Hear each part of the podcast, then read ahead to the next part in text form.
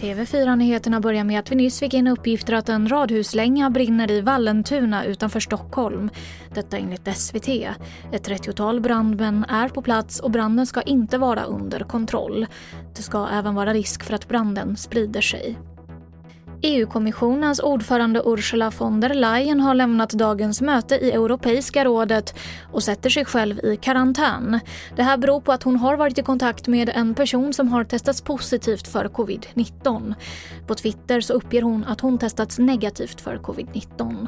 Och mer om detta på tv4play.se. I Luleå larmade en person med trygghetslarm åtta gånger igår kväll utan att få hjälp.